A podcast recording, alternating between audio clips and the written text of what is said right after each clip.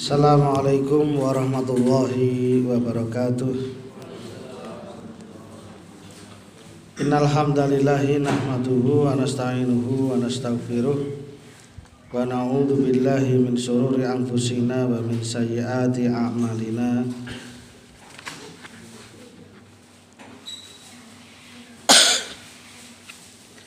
May yahdihillahu fala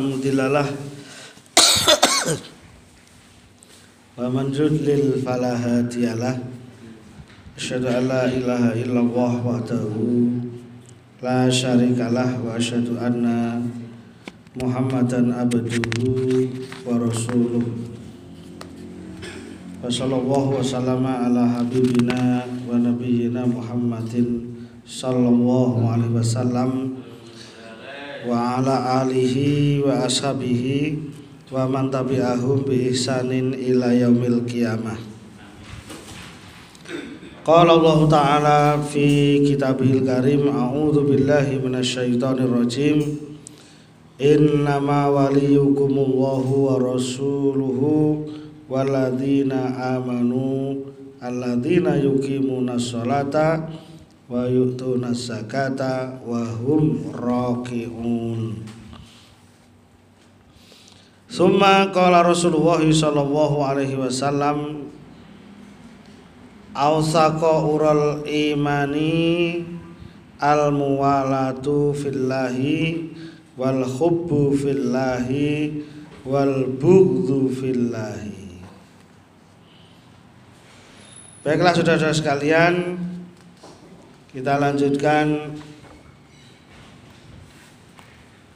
kajian kita pada kesempatan siang hari ini nanti berkisar dua permasalahan yang pertama adalah suri teladan ya. suri teladan bagi kita semua tentang bagaimana kita loyal ya, terhadap orang-orang beriman dan memutus hubungan dengan orang-orang kafir. Kemudian yang kedua nanti adalah tentang bagaimana sikap kita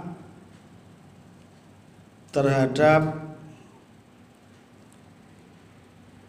golongan yang di satu sisi memiliki keimanan tapi di sisi lain banyak melakukan maksiat. Inilah dua materi yang akan kita bahas pada kesempatan eh, siang hari ini. Kemarin telah kita bahas bersama tentang loyalitas terhadap orang-orang beriman atau yang lebih sering disebut dengan walak dan barok. Yang disebut walak di sini adalah loyal dan dekat dengan orang-orang beriman. Sedangkan barok di situ adalah uh, memutuskan diri hubungan dengan orang-orang ka kafir.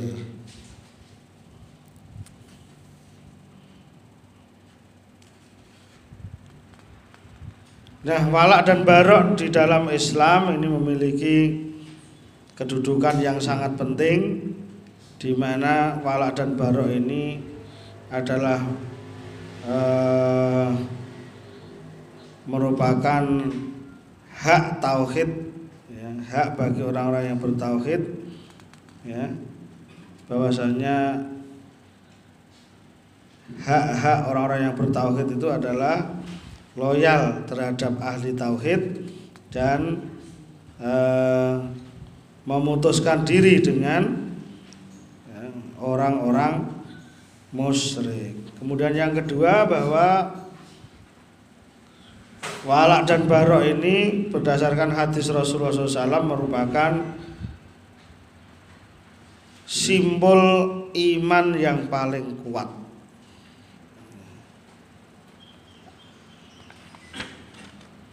Maka orang yang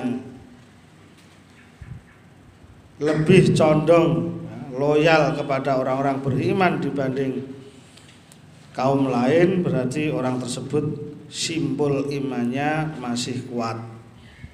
Dan sebaliknya orang-orang yang lebih dekat dengan orang-orang kafir ya mencari muka dengan orang kafir ya berarti simbol imannya ya sudah hampir pudar sudah hampir lepas sebagaimana sabda Rasulullah SAW ural iman al muwalatu fillahi wal hubbu fillahi wal bughdu fillahi. Hadis yang diriwayatkan oleh Imam uh, Tabrani. Ausaka ural imani adapun simbol iman yang paling kuat adalah al muwalatu ya, loyal fillahi karena Allah wal hubbu fillahi mencintai karena Allah wal bughdu fillahi dan membenci karena Allah. Bukan berarti cintai aku karena Allah. Bukan seperti itu ya. Itu lain karpe lain. Yang dimaksud di sini adalah kita harus loyal ya kepada orang yang berwali kepada Allah Subhanahu wa taala. Kita harus mencintai orang yang berwali kepada Allah Subhanahu wa taala. Kita harus membenci ya, bukan orangnya ya tapi perbuatannya ya. Kita harus membenci orang yang tidak berwali kepada Allah Subhanahu wa taala tapi lebih cenderung berwali kepada orang-orang yang eh, menyekutukan Allah Subhanahu wa taala. Maka di dalam hal ini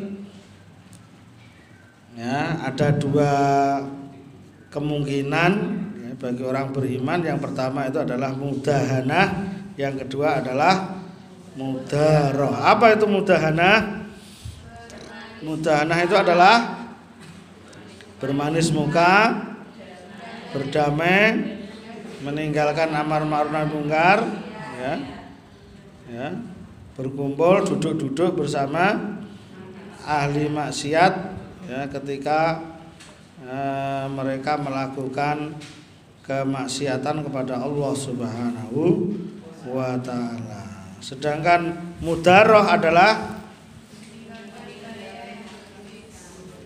beramar ma'ruf nahi mungkar dengan meninggalkan sikap yang keras ya. Tetapi dengan cara perkataan-perkataan yang lembut, berlaku yang lembut, ya penuh dengan belas kasih kepada orang-orang yang katakanlah jahil. Kadang kan kita kita ngandani orang itu kan kadang-kadang habis kesabaran kita ya karena memang jahil ya seperti itu. Harus disikapi dengan sabar, tetapi tetap kebenaran itu harus disampaikan bagaimanapun caranya. Itulah ya strategi Rasulullah SAW itu adalah mudaroh yaitu berdakwah kepada eh, orang-orang kafir Quraisy dengan perkataan dengan perkataan yang lembut ya tidak kasar ya penuh kasih sayang ya. Tidak apa namanya tidak memancing emosi seseorang sehingga keburukannya tidak lebih besar ya. keburukannya tidak muncul lebih besar. Kita berlembut lembut itu adalah hanya sebatas strategi. Karena barangkali kalau apa didakwai dengan kasar nah malah uh, akan menimbulkan kerusakan yang lebih besar.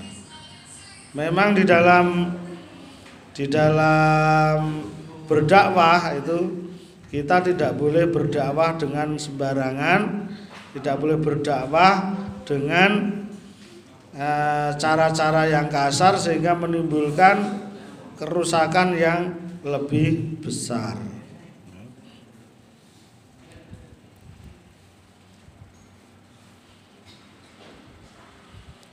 Nah untuk itu marilah kita lihat dakwah dari para ahli tauhid sebelum kita, sebelum Rasulullah SAW.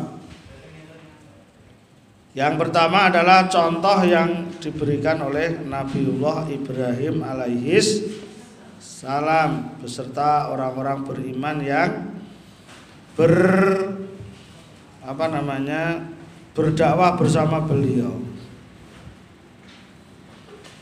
Yang menonjol dari Nabiullah Ibrahim alaihissalam dan orang-orang beriman ini adalah sikap baroknya terhadap orang-orang mus musyrik. Di dalam surat Al Mumtahanah ayat 4 di sana disebutkan a'udzubillahi minasyaitonirrajim Qad kanat lakum uswatun hasan, hasanatun fi Ibrahim waladina ma'ahu. Id qalu liqaumihim inna bura'auna inna bura'u minkum wa mimma ta'budun. Yang artinya qad kanat sungguh telah ada.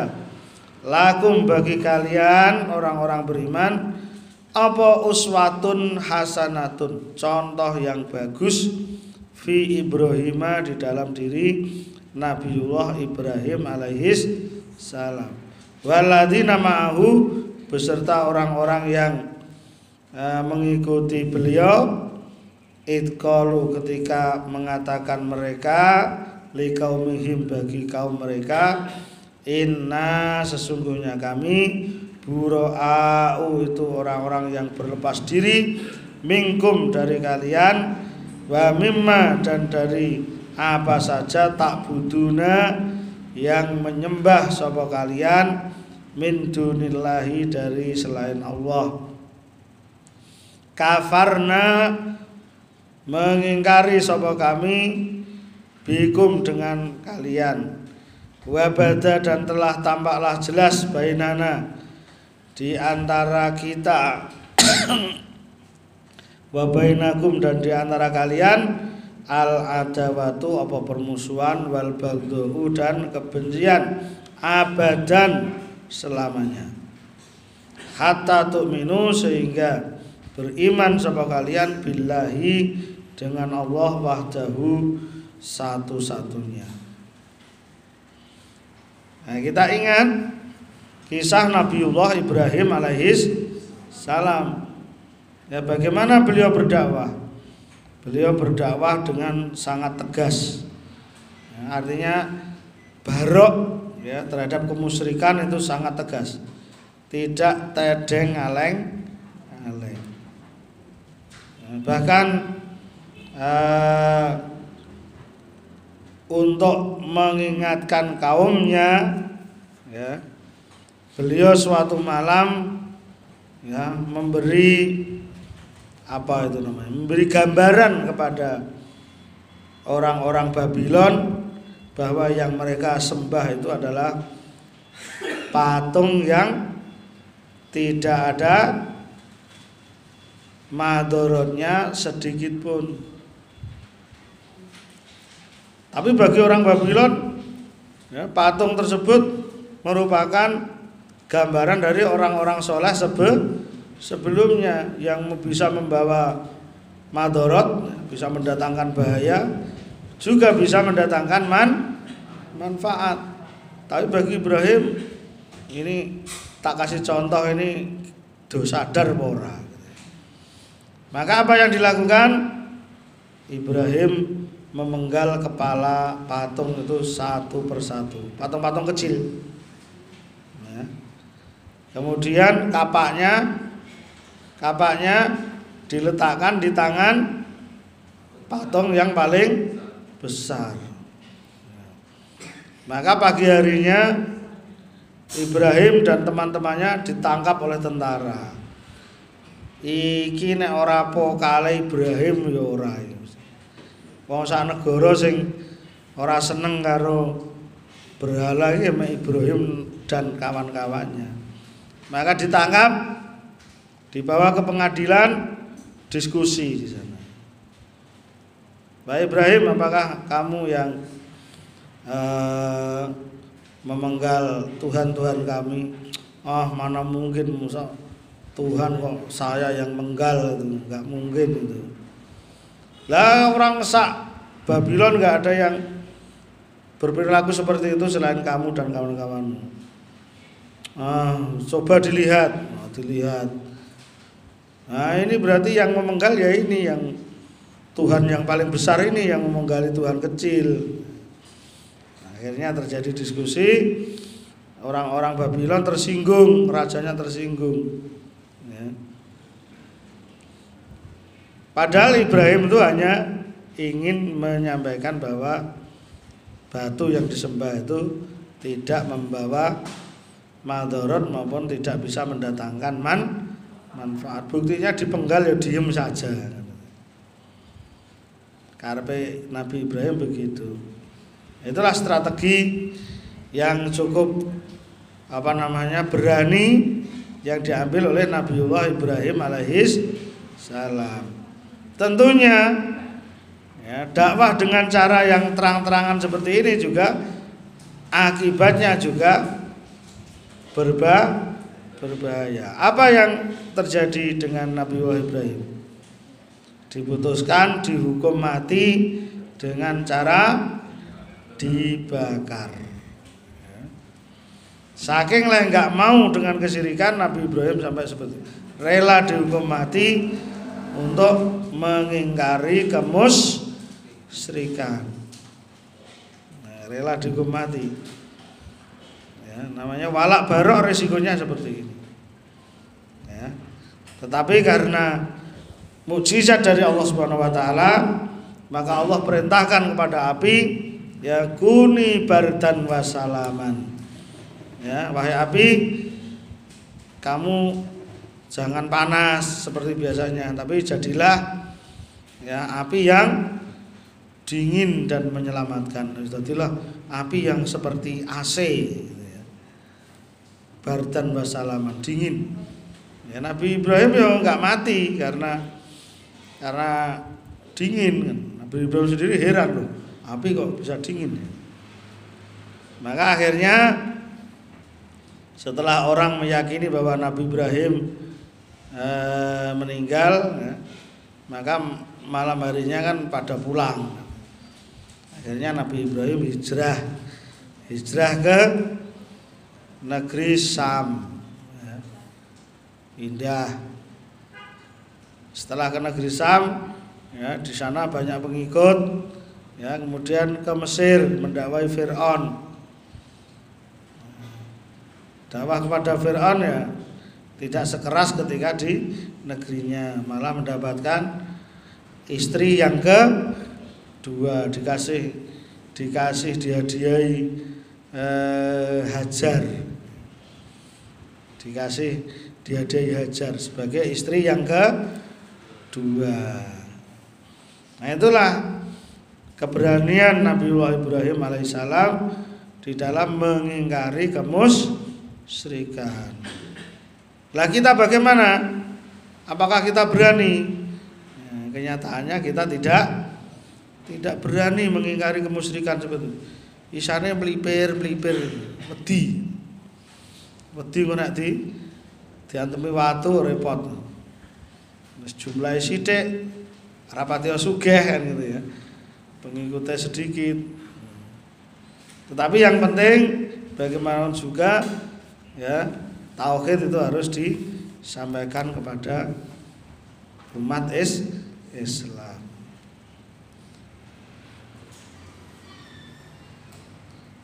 Nah itu contoh pertama. Contoh kedua adalah contoh yang ditunjukkan oleh kaum Ansor. Siapa kaum Ansor? Kaum Ansor itu adalah orang-orang Yasrib ya, atau Madinah. Dulu namanya Yasrib sebelum Nabi ke sana. Orang-orang Yasrib yang sudah masuk is Islam. Sikap walak yang diberikan oleh kalau Ibrahim tadi kan barok ya. Barok ya seperti ini, seperti Nabi Ibrahim ini harusnya. Nah sekarang walak. Contoh walak yang paling nyata adalah kaum An Ansor. Sebagaimana kaum Ansor menolong orang-orang muhajirin. Apa tau muhajirin itu? Muhajirin itu makna bahasanya apa? Apa? Hijrah apa? Basa kasare. Basa kasare muhajirin ku pengungsi. Jadi nek membayangkan muhajirin itu kayak kayak apa?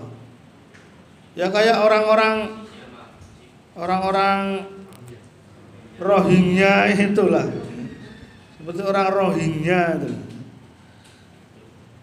Orang yang terusir dari negerinya karena i, iman. Neng Indonesia kayak gelem nampa ora ya? Mau ya? Di Aceh ya, ditaruh di Aceh. Ya itu sikap sikap-sikap walak terhadap sesama orang beriman ya seperti itu.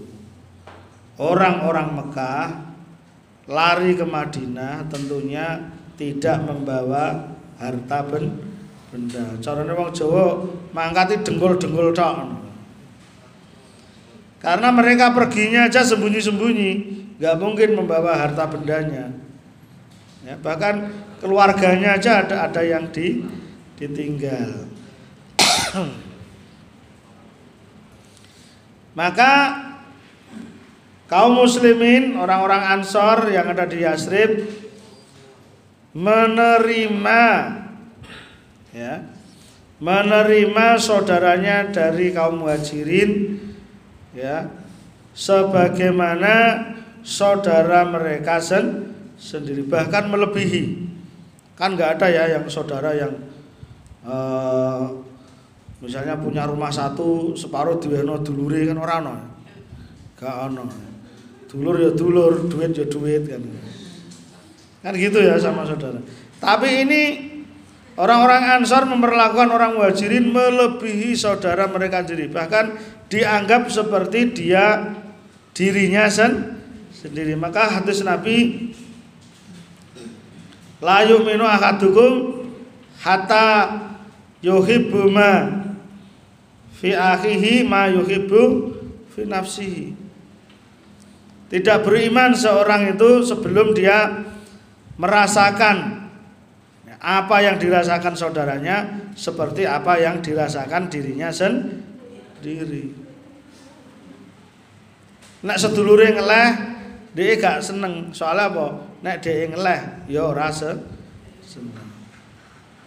Itulah yang ditunjukkan oleh kaum muhajirin. Sifat walaknya terhadap orang-orang beriman. Sampai mau membagi apa pun yang dimiliki. Membagi dua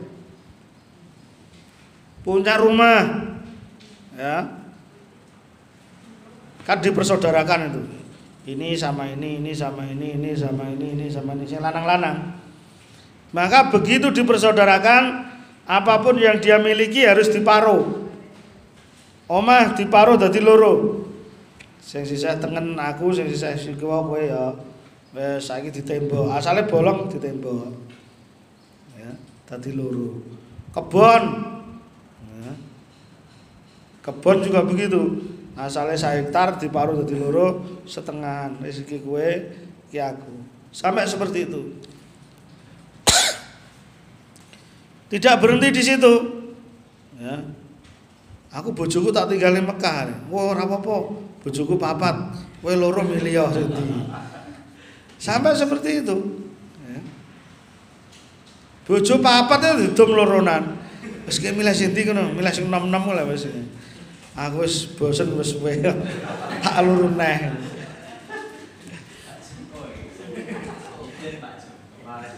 Eh? Yang ngajirin yang kaya, eh, ansor yang kaya begitu. Udah kamu pilih itu istri saya yang muda-muda ambil dua. Ya saya yang tua-tua dua. Kowe engko piye? Aku tak luru neh. Sing anyar sing sing iki rada rada suwe 5 tahun wis bosen. Jarine kan nek 5 tahun nganti 7 tahun kan bosen-bosene kan. Bahaya. Angger iso mempertahankan 5 atau sampai 7 tahun pertama berarti wis sukses. Kan ngono. Ceritane ngono. Ndak iya lah aku ya ora ngerti. Mas Mixer wis berapa tahun? lima tapi ijeh kita runtang-runtung berarti berhasil iya Pak Sur wis berapa Pak Sur?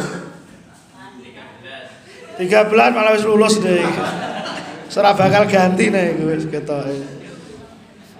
Sing jerawan wis sing 4 tahun ngono eh Pak Mat. Jari ini nek limang tahun wis bosen-bosene nek iso nek iso lolos berarti wis lolos. Aku wis piro aku malah. Aku wis 19 tahun wis lulus gitu. Wis ora bakal nganu iki. Wis 20 tahun. Wis 20 tahun. Loh Pak Sur itu tua saya ya, Pak Sur. Eh? Lah kok lagi 13 tahun piye lah? Sing bojo pertama bojo kedua iki 11 tahun.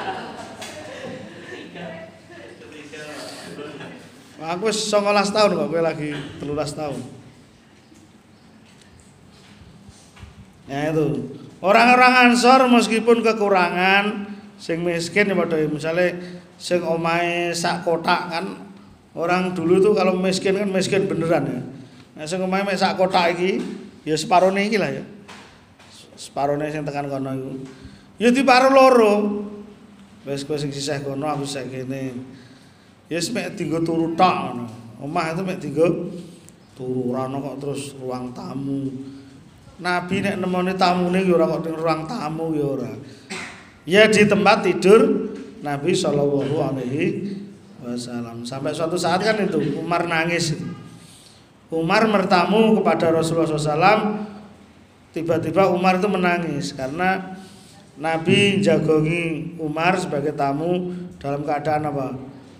Punggungnya, pipinya itu ngecap, ngecap apa? Kloso ya. Kloso nek kita kan halus ya. Nek sana tuh ya kloso gedong kurma tuh kayak apa? Ya, nek kita kan ono kloso mendong, ono kloso pandan, kloso macam-macam. Ya. Tapi kalau orang dulu tuh ya miskin ya miskin beneran. Meskipun begitu kaum Ansor radhiyallahu anhum ya membagi apa yang dimilikinya dengan orang-orang muha muhajir meskipun mereka butuh omah butuh enggak butuh ya. omah mereka butuh kebun ya butuh ya. Tetapi karena kecintaan mereka kepada saudara beriman ya, hal tersebut tidak menjadikan penghalang untuk berbagi.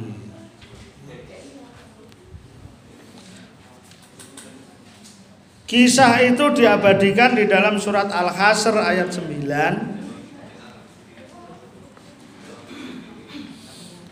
A'udzu billahi minasyaitonir rajim.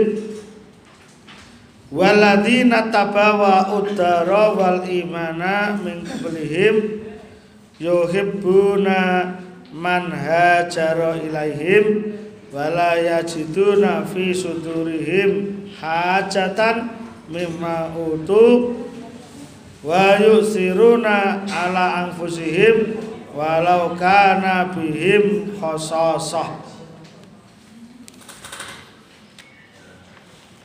Wes, dilebokno sik. Iya, Pak. Iki langsung ulangan. Iya, masuk, Pak. Katanya do. Yang artinya Waladina adapun orang-orang yang Tabawa'u tinggal sapa aladina adaro di negeri Yasrib, Madinah. Wal imana dan telah beriman. Min qablihim dari sebelum mereka. Yuhibbuna yaitu orang-orang Ansor. Yuhibbuna mencintai sapa mereka aladina orang Ansor. Man pada orang hajaro yang hijrah. Ya sapa man? Yaitu muhajirin ilaihim pada mereka wala yajiduna dan tidaklah menemukan mereka ansor. Fi sudurihim di dalam hati-hati mereka. Hajatan pada kebutuhan mimma utuh dari harta yang utuh memberikan sapa mereka ansor. Dan hebatnya lagi wayuk siruna dan mendahulukan mereka mementingkan mereka ansor ala anfusihim dibanding diri-diri mereka jadi mereka sangat memperhatikan orang muhajirin sampai mengalahkan diri mereka sendiri. Walau karena meskipun ada bihim itu di dalam diri mereka sendiri khososoh kebutuhan. Meskipun mereka sendiri butuh, kan tidak semua orang Ansor itu kaya. Waman maka barang siapa yuko yang selamat sapa sapa man suha nafsihi pada kekikiran dirinya faulaika maka mereka itulah hum adapun mereka al muflihuna orang-orang yang beruntung jadi orang-orang Ansor radhiyallahu anhu ini adalah orang yang berhasil memerangi kekikiran diri kita harus banyak belajar dari orang-orang Ansor.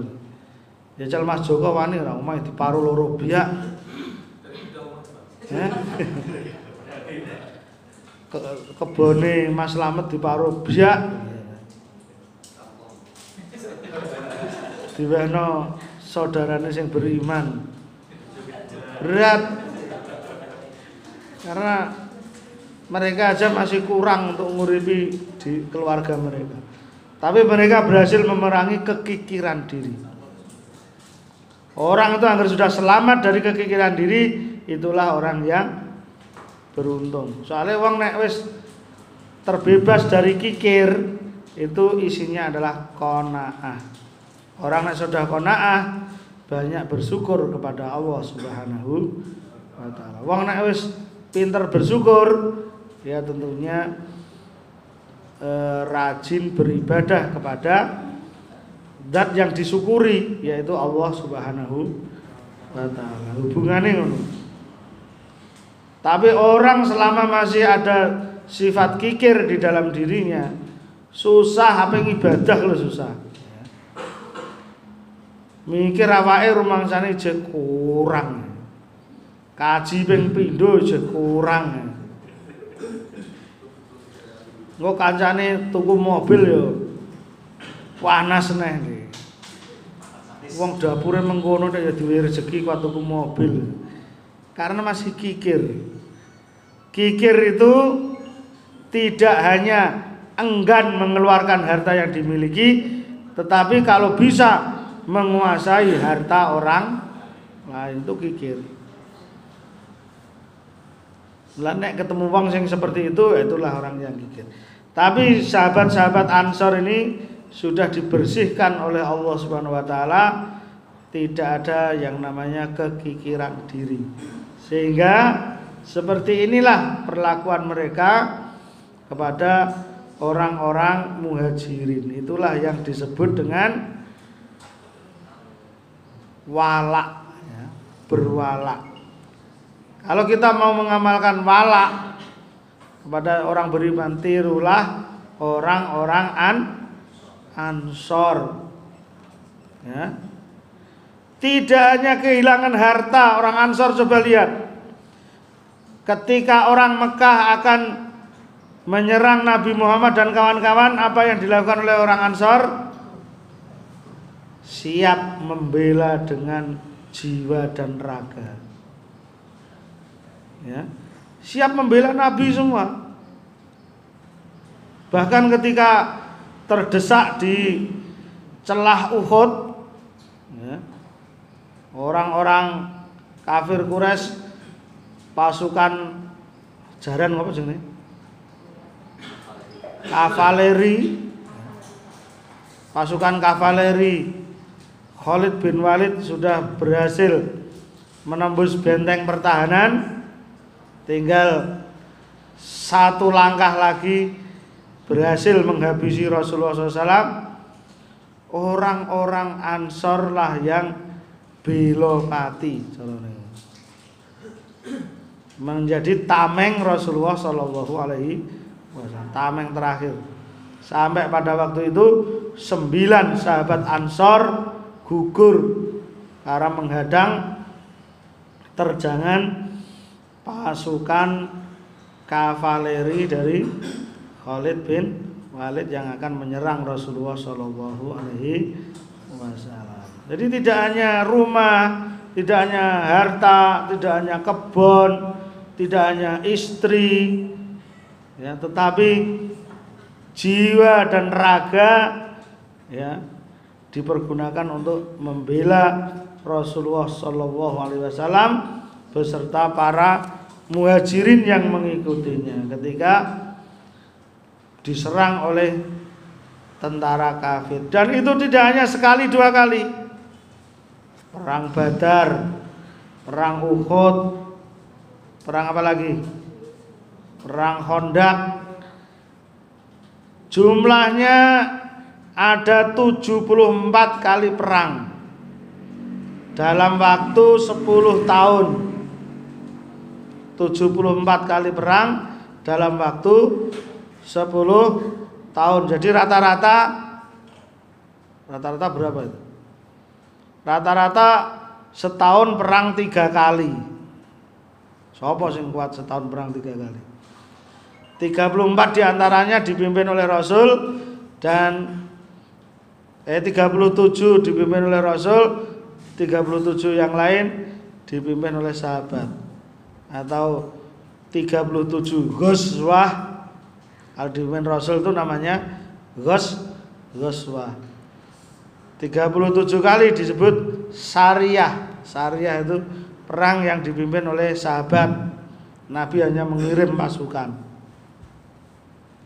Itu dilakukan oleh sahabat Ansor Tidak ada pembela-pembela Nabi yang luar biasa Selain kaum Ansor Makanya di dalam surat At-Taubah ayat 100 dipuji oleh Allah Subhanahu wa taala. As-sabiqunal awwalun minal muhajirina wal ansor waladina tabauhum bi ihsan. Ya, adapun orang-orang yang awal-awal muhajirin ansor dan pengikut-pengikut mereka ya radhiyallahu anhum wa radu an. Allah telah meridhoi amal-amal mereka karena pembelaan mereka terhadap Rasulullah Shallallahu Alaihi Wasallam dengan harta, dengan benda, dengan raga, dengan nyawa, dengan tenaga, semua dicurahkan untuk membela Rasulullah SAW atau membela lahirnya agama baru yaitu agama es Islam. Makanya disebut syuhada orang-orang yang berjihad di jalan Allah Subhanahu wa taala.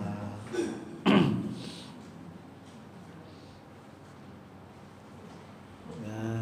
Wa adalahum janatin tajri tahtahal anhar. Allah telah menyiapkan orang Ansor dan orang Wajirin dengan surga-surga.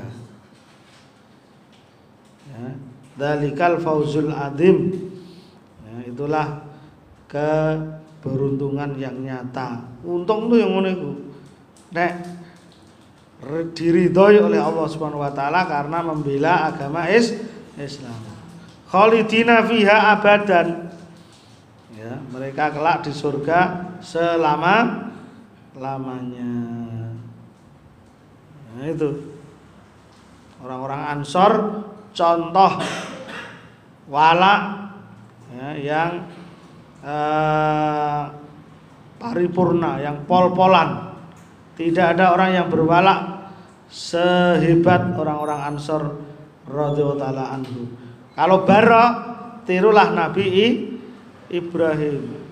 Putus hubungan, tidak mau sama sekali terlibat di dalam upacara-upacara orang-orang kafir dan bid'ah. Putus hubungan.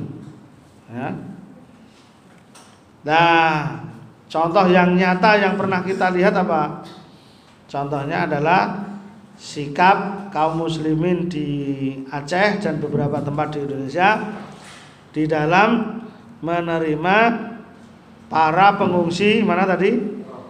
Rohingya. Mereka adalah orang-orang yang terusir dari negaranya karena keimanannya. Karena Islamlah mereka dibantai, mereka dibinasakan, mereka terusir. Ya. Bahkan tidak sedikit dari mereka yang mati karena apa? Karena pas musim hujan kan waktu itu kentir kon sungainya sungai Irawadi itu kan sungainya besar. Orang kayak sungai Juwono ini iki. Sungai Juwono ini cilik neneng peta ano gambare. Tapi sungai Irawadi itu panjang sekali. Ya. Asal muasalnya dari daerah-daerah dataran tinggi sana seperti Himalaya dan sekitarnya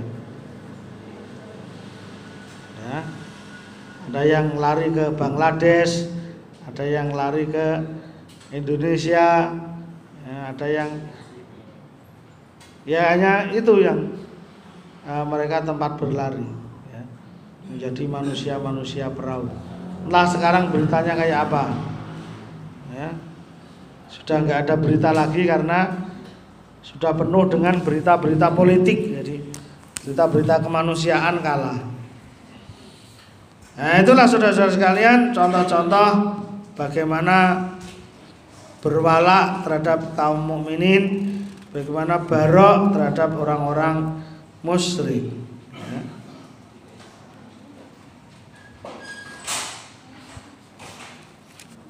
Kalau terhadap orang-orang mukmin, ya, itu kan sudah jelas, yaitu kita harus pala. Kalau terhadap orang-orang ahli maksiat, ya, orang-orang uh, yang suka berbuat dosa, itu juga je, jelas yaitu kita harus barok dengan orang kafir, dengan orang musyrik, barok. Nah, bagaimana kalau di dalam diri seseorang itu dia juga masih beriman, berkumpul dengan orang beriman, tapi di waktu yang lain dia juga masih sering melakukan maksiat atau berkumpul dengan orang-orang yang bermaksiat. Bagaimana kedudukan orang seperti ini? Ya. Nek munafik jelas, kafir jelas, musyrik jelas, mukmin jelas. Ada wala, ada ba baro. Lah nek wong sing ora pati jelas. Eh, wong sing remeng-remeng wong iki jane iman apa munafik apa kafir. Ya kayak saudara-saudara kita di Indonesia inilah ya. Itu kan wong-wong rapata jelas kan, yang banyak. Ya. Terkumpul di dalam dirinya iman dan juga keku kekufuran. Nek diarani iman kok nglakoni perbuatan-perbuatan kufur. Nek diarani kufur kok nek pas nyalek ngene iki ya do becinan kabeh kan. Do lunga masjid kabeh, nekani kiai kabeh. Ya. Nek diarani kufur kok travel-travel umroh kok ya kebak terus. Anggur mangkat ya kebak terus. Nah, berarti di dalam diri seseorang ini tersimpan keimanan juga tersimpan kekufuran. Nah, orang seperti ini sulit menghadapinya. Ya. Orang-orang seperti ini harus disikapi dua-duanya. Ya. Apa yang dimaksud? Dua-duanya. Ya, dia harus kita sikapi sebagai saudara beriman karena keimanannya. Tetapi dia juga harus kita nasihati, dia harus kita kasih amar ma'ruf nahi mungkar, kita perbaiki. Karena apa? Karena maksiat yang masih dilakukannya. Ya tetap kita anggap sebagai saudara ya. Iku anu ya, masku iku senengane nek apa digawe iku jaluke karo karo Mbah Ronggo malah. Ora gelem donga karo Gusti Allah, jarene nek donga karo Gusti Allah iki ra tekan. Dungane ning gone kuburan-kuburan. Ya udah kita anggap di dalam saudara kita tersebut ya ada dua hak yaitu hak mualah harus kita anggap sebagai saudara seiman karena masih beriman masih sholat masih poso masih apa sebenarnya ya jumatan masih. Ya melakukan amalan-amalan sebagaimana orang beriman. Tetapi kita tidak boleh membiarkan kemaksiatan yang dilakukannya. Ya. Karena di dalam orang ini berkumpul dua sifat yang bertentangan, maka juga harus kita sikapi dua sikap yang seolah-olah bertentangan. Kita berwalak dengannya karena dia sebagai saudara kita beriman ya. Kita musuhi bukan dalam artian diperangi tetapi dinasehati ya. Munasohah ya dinasehati diberi amar ma'ruf nahi mungkar. Sing penting dijak ngaji wong ngono iku nek ora gelem ngaji ya ora bakal mari jadi penyakitnya wong ora ngerti itu kan ngaji kan gitu ya. penyakitnya wong ora ngerti iku ngaji engko nek wis ngaji mesti mari insya kita amar ma'ruf nahi mungkar karena kemungkaran yang ada pada dirinya. Mudah-mudahan dengan cara seperti itu ya apa namanya eh, saudara kita tersebut ya bisa membebaskan dirinya dari kemungkaran yang dia lakukan sedangkan dia meyakini bahwa hal itu adalah kebenaran. Ya, termasuk orang-orang sekuler itu kan perasaannya benar. Itu ya hanya untuk uh, ibadah sementara aturan dunia ya nganggo aturan uh, apa namanya buatan manusia. Ini kan nggak benar padahal Islam itu adalah meliputi uh, urusan ibadah maupun urusan dunia. Demikian juga Syekhul Islam Ibnu Taimiyah mengatakan idza istama'a apabila berkumpul fi rajulin wahidatin fi rajulin wahidin di dalam satu orang ya. Khairun apa kebencian wasarun dan kejahatan. Ya, wa fujurun dan pelanggaran wa taatun dan ketaatan. Wa maksiatun dan maksiat. Wa sunatun dan amalan sunnah. Wa bid'atun dan bid'ah. Istahaqqa maka berhak mina sapa rajul minal muwalati dari muwalah dianggap sebagai saudara. Ya. Biko terima fihi minal khair. Ya. Sebatas kebaikan yang ada di dalam dirinya. Wa istahaqo dan juga berhak sapa rajul minal muadati dari uh, permusuhan. Dalam hal ini adalah amar ma'ruf nahi mungkar. Bihas bima sebatas apa saja fihi yang di dalamnya rajul minasari dari kejahatan. Jadi kejahatannya harus kita amar ma'ruf nahi mungkari ya, kebaikannya harus kita terima sebagai saudara sesama orang beriman.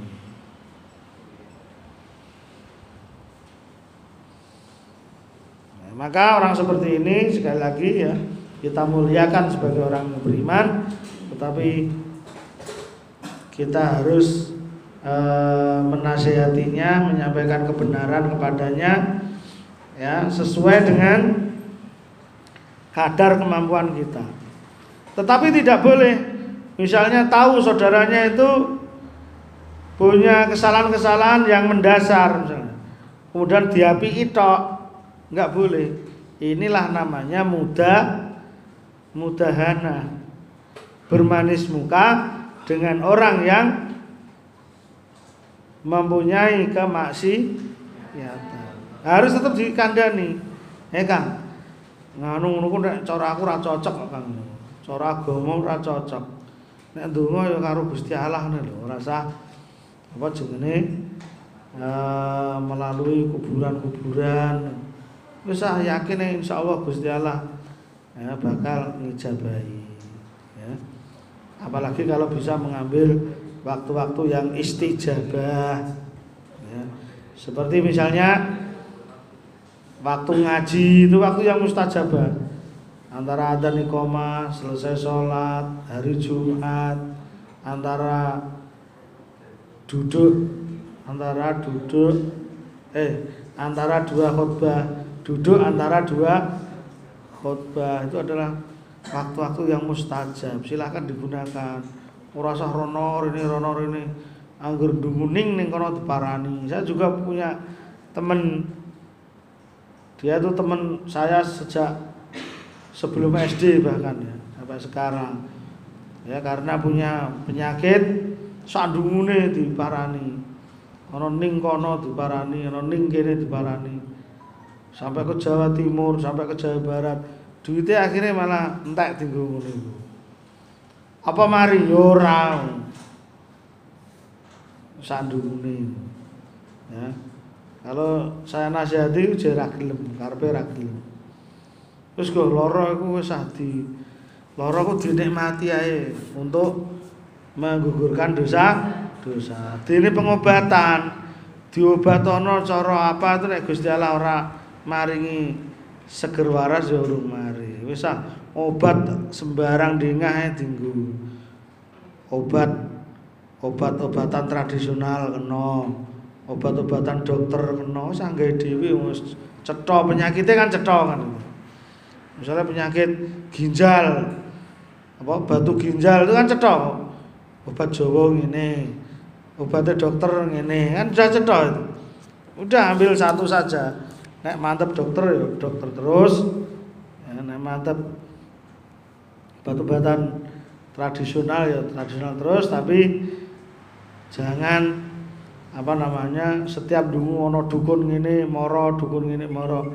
Nah, tetap kita sampaikan tapi dengan cara yang sopan dengan cara yang santun sehingga persahabatan itu tidak terputus kadang kan orang ada yang nggak sabaran ya Anggur ono kancane sing salah itu malah diseneni. Oh, salah aku mergo ora ngerti, ora ilmu nih.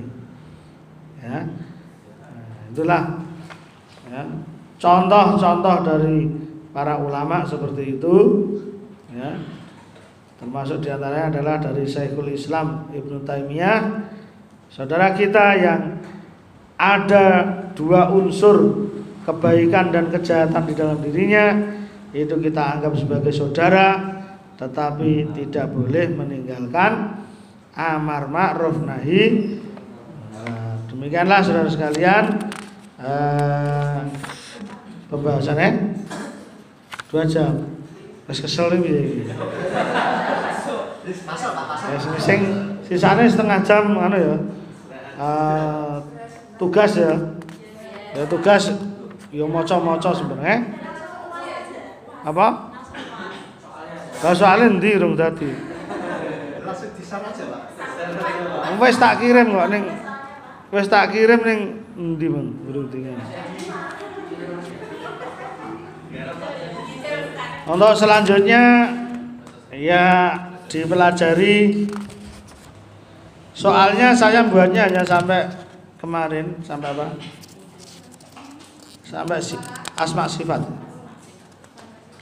Sampai asma sifat tok kemarin. Enggak sampai yang walak baru. Walak baru nanti ikut yang depannya aja. Silahkan kalau mau nyari-nyari informasi tentang walak baru lebih dalam dibaca tentang asma sifat dibaca tentang apa pembatal syahadat syarat-syarat syahadat kemarin sudah ya syarat-syarat syahadat pembatal pembatal pembatal syahadat sudah ya nah itu dipelajari ya untuk persiapan ini akhir semester apa tengah semester? Akhir semester. Silahkan untuk dimanfaatkan. Tanya jawab ya boleh, diskusi dengan temannya ya boleh. Tapi ini tenggorokan saya sudah nggak kuat jadi dianggap rong jam ya. Dianggap rong jam. Kurang lebihnya mohon maaf. Assalamualaikum warahmatullahi wabarakatuh.